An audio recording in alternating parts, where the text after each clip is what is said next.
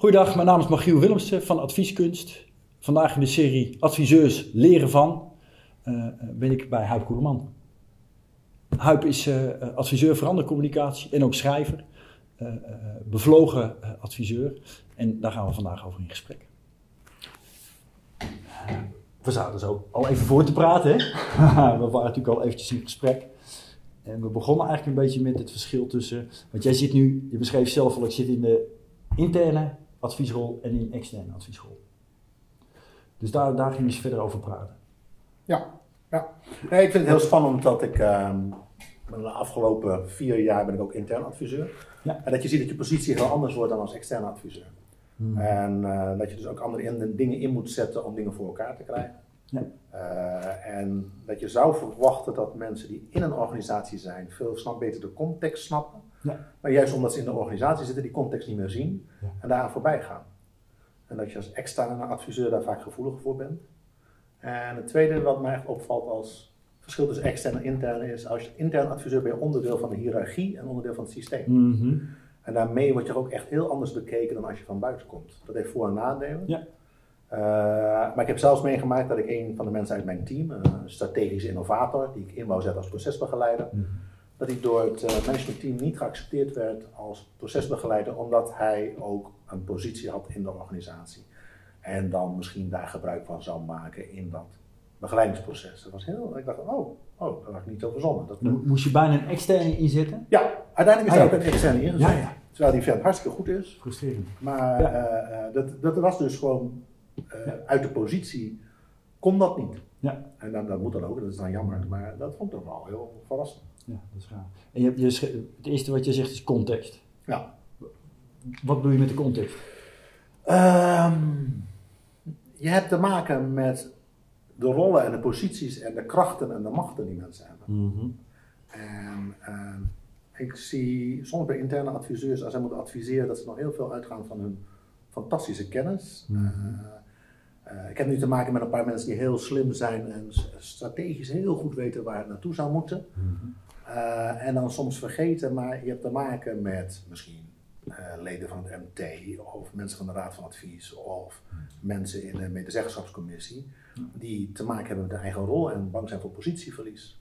Of die uit zijn op positieversterking. Mm uh, en dat die dus op een heel andere manier aankijken tegen de stappen en de ratio en de dingen die gebeuren dan wat die adviseur heel erg puur conceptueel ja. bedacht heeft. En dat meebewegen en het rekening houden met gezichtsverlies, wat een heel belangrijke factor is. Mm -hmm. uh, ik ben eigenlijk verbaasd dat mensen die in de organisatie zijn dat vaker vergeten dan mensen die van buiten de organisatie zijn. En, en wat is dat gezichtsverlies dan?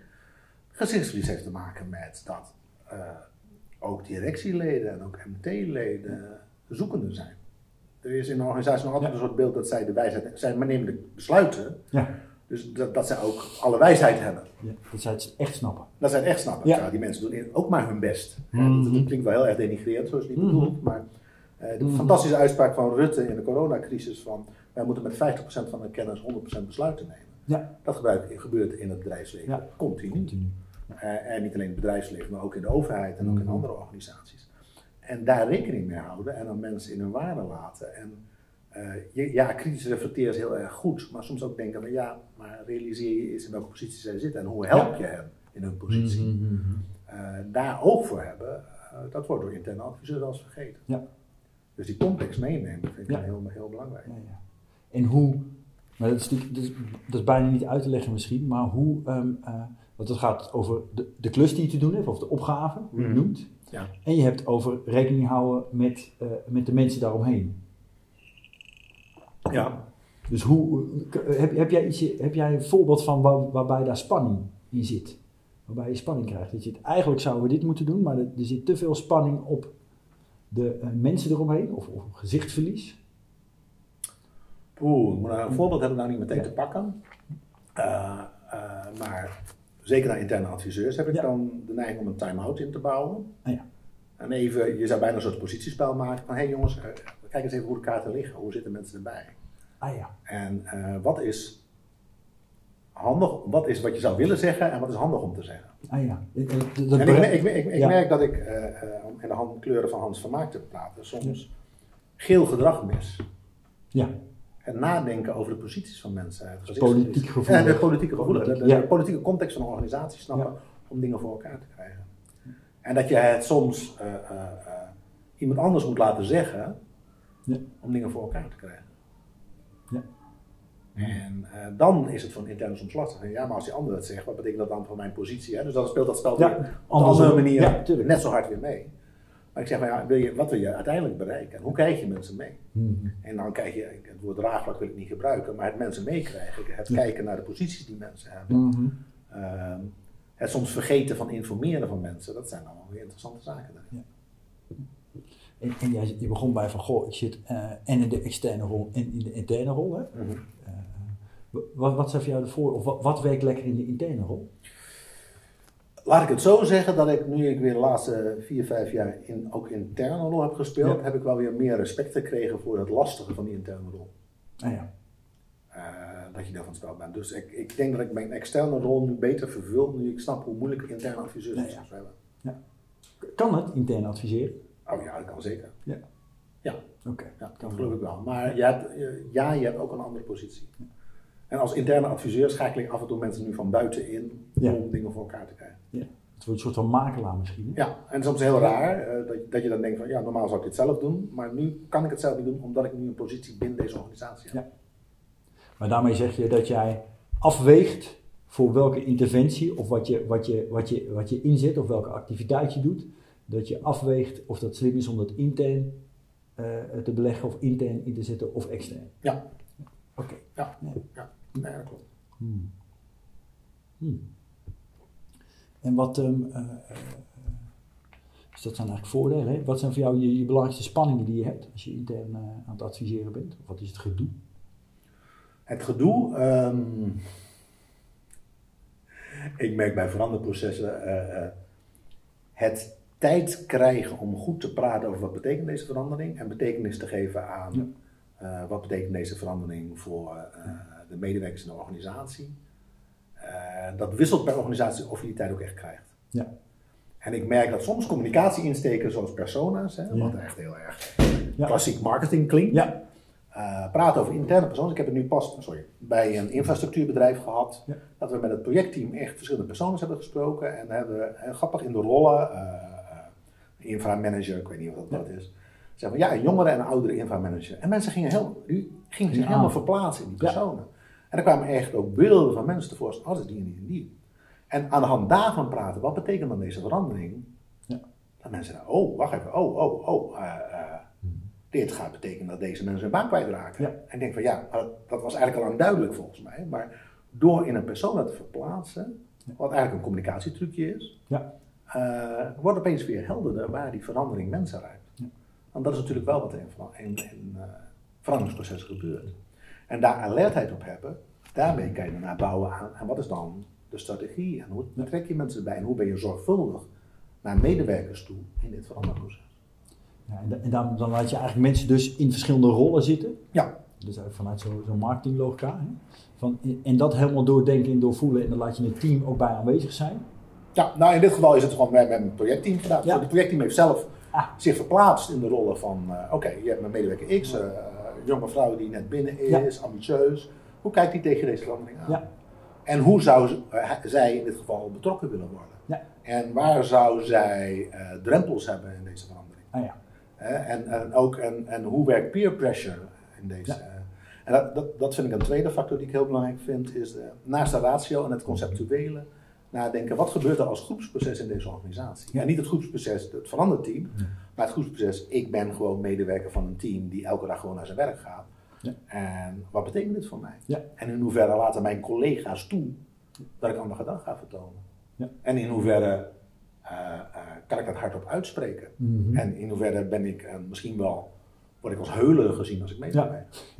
En weer een groot woord, hè? Ja. En het andere, ik, ik, wat, waar ik blij om ben bij het veranderingsproces, dat is denken in ambassadeurs en voortrekkers en dergelijke, dat dat steeds meer meebewogen, steeds meer gebeurt ja. in organisaties. Maar dat je dan ziet dat die ambassadeurs die gekozen worden, dat zijn eigenlijk mensen in de voorhoede die sowieso al positief zijn. Ja. Is dit nou een handige selectie van ambassadeurs? En hoe geloofwaardig zijn deze ambassadeurs echt naar de rest van de organisatie? Ja. Mm -hmm.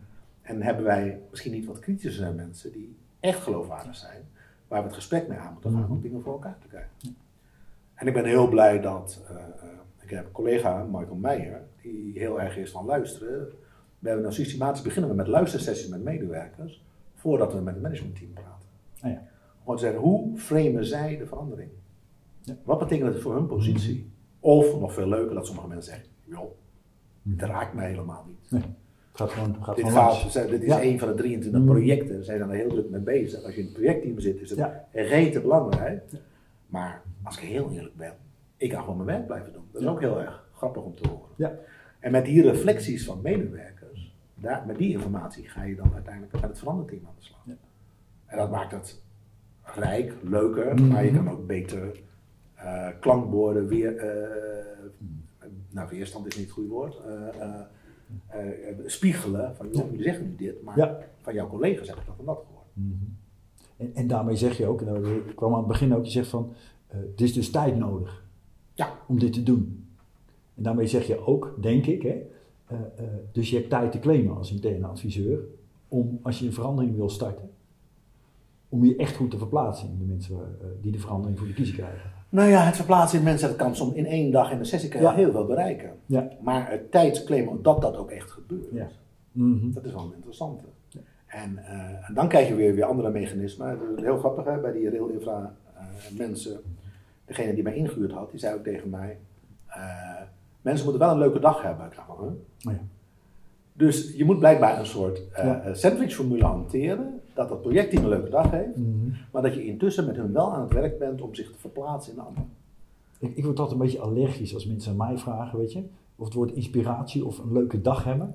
Ik krijg dan een beetje altijd, ik denk, om- omdat Nee, ik, dat- weet ik je wel, snap dat, ik snap dat, ik heb snap dat. Maar, maar, Maar- maar hoe, hoe, hoe, hoe pak jij dat? Nou, wat ik, waar- wat ik geleerd heb, eh, Ja. eh, van, de, Ja. de- we hebben altijd de neiging om te beginnen met kritisch te reflecteren. Wat vinden we van dit proces? En dat ik begin, wanneer zijn jullie, wat was jullie grootste succes? Waar zijn jullie trots op?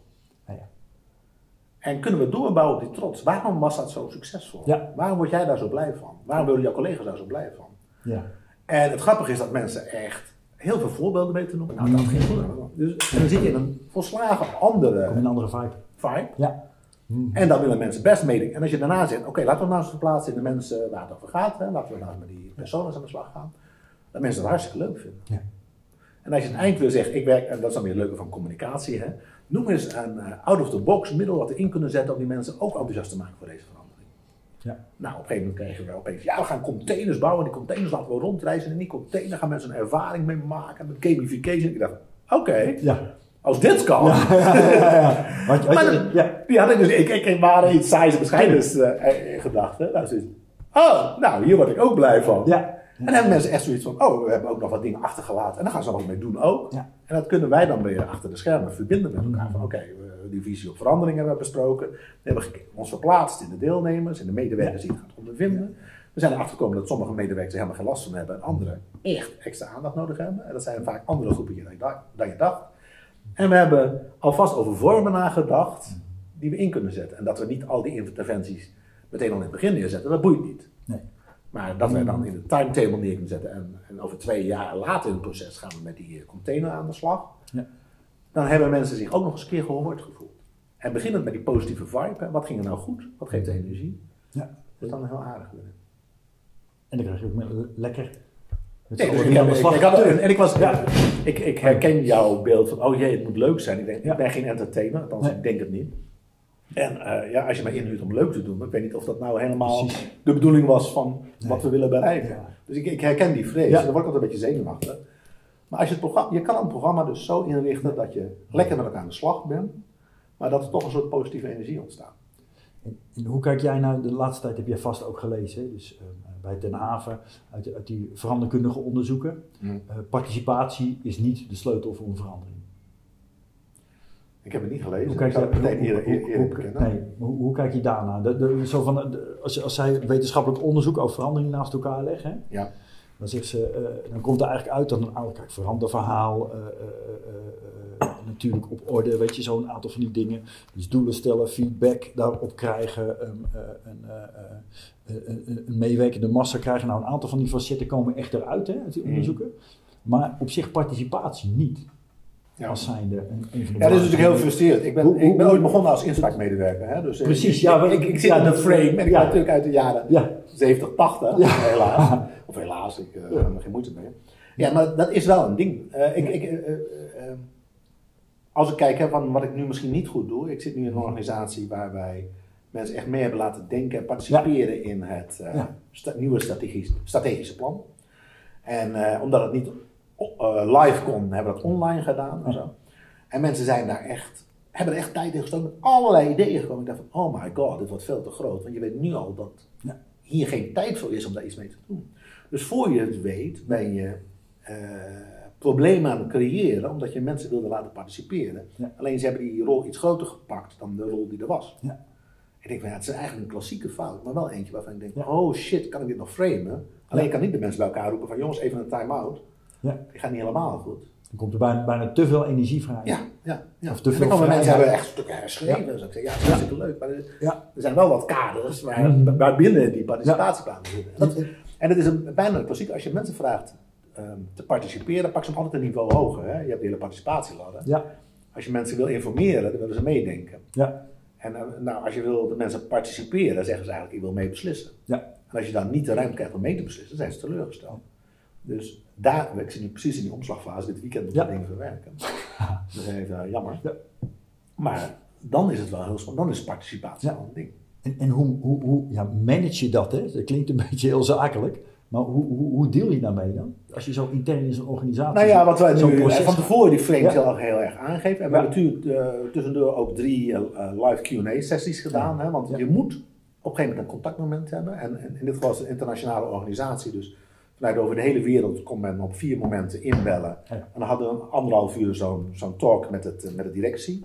En iedereen kon alle vragen stellen. Ik was een moderator, dat hartstikke lachen. Ja. Dus eh, Mooi. eh, Ja. gewoon eh, reageer, maar kijk maar welke Mhm. vragen er zijn. Dan heb je in ieder geval weer wat contact. Want dan kan Mhm. een EB en, en, en, en de board direct reageren op de vragen en dingen al een beetje bijsturen. Maar of dat genoeg is geweest, ik denk het niet. Dus we moeten nu kijken van heel scherp zijn van joh, met deze suggesties fantastisch, daar gaan we wat mee doen. Ja. En dan ga je daar terugzien. Met deze suggesties, hmm, moeten we even goed over nadenken. Daar gaan we op zo'n manier over nadenken. En deze suggesties, helaas pindakaart, daar Ja. kunnen we niet iets mee doen. Omdat. Ja. Dus die transparantie moet je wel Die is essentieel dan. Maar dit is qua tijdsinvestering, Ja. moet je daar wel tijd in willen steken. En het is de vraag of je zoveel tijd hebt om dat allemaal goed uit te werken. Ja. Ja, dus het, eigenlijk wat je net ook al zei, hè? Dus, dus de tijd en de ruimte maken, of om eh, eh, eh, je te verdiepen, of om aan participatie te werken, dat is dus een kunst om dat goed in te schatten en dat misschien ook wel te claimen. Ja. En de- de- het lastige is, met participatie is er ruimte. En met ruimte zijn er zoveel ideeën dat je je afvraagt of je dat op één lijn krijgt. Ja. In in die zin vind ik die coronacrisis wel een verbazingwekkend. Dat Toen de crisis duidelijk was, hè, dat was, ik noem het dan paars bijna, van er is crisis, we hebben niet, weten niet wat er aan de hand is, er is een lockdown, allemaal binnen blijven. Ja. Nou, was iedereen heel braaf. Zelfs in Amsterdam, waar ik woon, hè, ik dacht van, oh, eh, er is Ja. werkelijk niemand buiten. Kan Eh, ja. Oké. En zo gauw die verruimingen er is, zie je dat iedereen alle, alle eh, onlogica's haarfijn weten aan te wijzen. En met een onlogica zeggen ze, het is niet eerlijk. En zo gauw ze het gevoel hebben, het is niet eerlijk, Ja. gaan ze niet meer mee. Mhm. Dus ruimte zorgt, dus Ruimte zorgt voor, voor- meer ruimte nemen eigenlijk. Zeg. Ja, en maar ook van, eh, is het consequent en waarom gebeurt dit dan wel en dat dan Ja. niet? Hè? En, en eh, eh, dat vind ik een heel lastige, dus daar moet je met communicatie rekening houden, maar met het hele proces. Is het eerlijk en is het consequent? Ja. Ik zeg maar zo, ik ben vegetariër en waar ik het meest op aangevallen ben, ik ben al 30 jaar vegetariër, Ja. dat ik soms leren schoenen draag. Ja. Ik heb het idee dat ik meer tijd moet besteden om te verdedigen dat ik leren schoenen dragen waar een halve koe voor dood is gegaan in mijn hele mensenleven, dan al die mensen die intussen al 60 koeien hebben gegeten. Ja. Dus die gevoeligheid voor inconsistentie Ja. is heel groot. En het pijnlijke is natuurlijk dat directies, dat er heel gauw inconsistentie in zit. Je kan het niet bedenken van tevoren. Nee, nee, er zit er gewoon. Dus bij elkaar duidelijk zeggen, wij hebben ook de waarheid niet in pak, maar we moeten wel verder. Ja. Dat is eigenlijk een heel belangrijke beginzin. En we hebben ik denk, ja, Mhm. ik geloof dat ik participatie nog niet loslaat hoor. Dus ik denk, Nee, ruimte inbouwen voor participatie is duidelijk. Maar dat er eh, eerlijkheid is over het proces, Ja. hoe je dat proces in gaat richten, is dan wel heel belangrijk. Ja. Dus als je daarin gaat schuiven, ook al heb je daar fantastische redenen voor, raak je het risico, of loop je het risico dat je mensen kwijtraakt. Ja. En, en dus ook transparant erin zijn, wat wel en wat niet kan. Hè? Dat is dus ook wat je heel duidelijk zegt. Ja. ja. Ah, transparantie is dus een heel lastige. Ja, want dan heeft het ook weer te maken met, uh, waar we het eerder over hadden, met de context, met gezichtverlies mhm. en met rollen van andere mensen. Ja. Dus daar heb je niet alleen maar als veranderaar, heb je daar, of als adviseur, heb je niet alle invloed op natuurlijk. Ja, en ik vind ook dat uh, als je participatie hebt, welke toon krijg je met z'n allen? Ik heb een heel naïeve interventie gedaan op het platform, nou, met een heel kritische reflectie. En toen had ik zoiets van, wat ik net ook zei, van als je zo'n dag begint. En wat vinden jullie nou eigenlijk goed aan? Ja. Heb zoiets van, huh? is dit voor een naïeve opmerking? Van, ja, maar kritische reflectie, prima, hè? Maar wat moeten ze behouden blijven? Ja. Je kan alles, alles weggooien en gaan helemaal opnieuw beginnen. Daar hebben we geen tijd voor. Maar wat vind je eigenlijk sterk aan het plan? Ja. Nou, dat duurde even en op een gegeven moment kwamen er ook dingen uit. Oké, Kijk, dat is interessant. Dus ze zijn er wel, maar blijkbaar kost het meer tijd om de goede dingen te benoemen. En ook uh, de vrijheid te voelen om goede dingen te roepen. Nou ja. En daarmee verder gaan. En daar speelt peer pressure weer een rol. Uh, je kent dat van cursussen. Hè? Ik, ja. Als ik een evaluatie mondeling doe met mensen. En het beruchte rondje. Nou, ja. uh, als je begint met de chagrijn. En iemand zegt, nou, viel een beetje tegen. Degene daarna, die kan nooit zeggen, ik vond het leuk. Want dan is die zo'n naïeve blije eikel.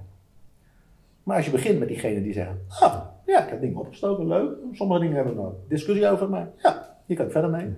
Dan is het veel makkelijker om een positieve evaluatie te krijgen. En dat is natuurlijk in zo'n participatieproces ook. Als de eerste vier mensen die een beetje toonaangevend zijn, heel kritisch reageren, wordt het heel moeilijk om te zeggen, nou, ik vond het wel een goed stuk.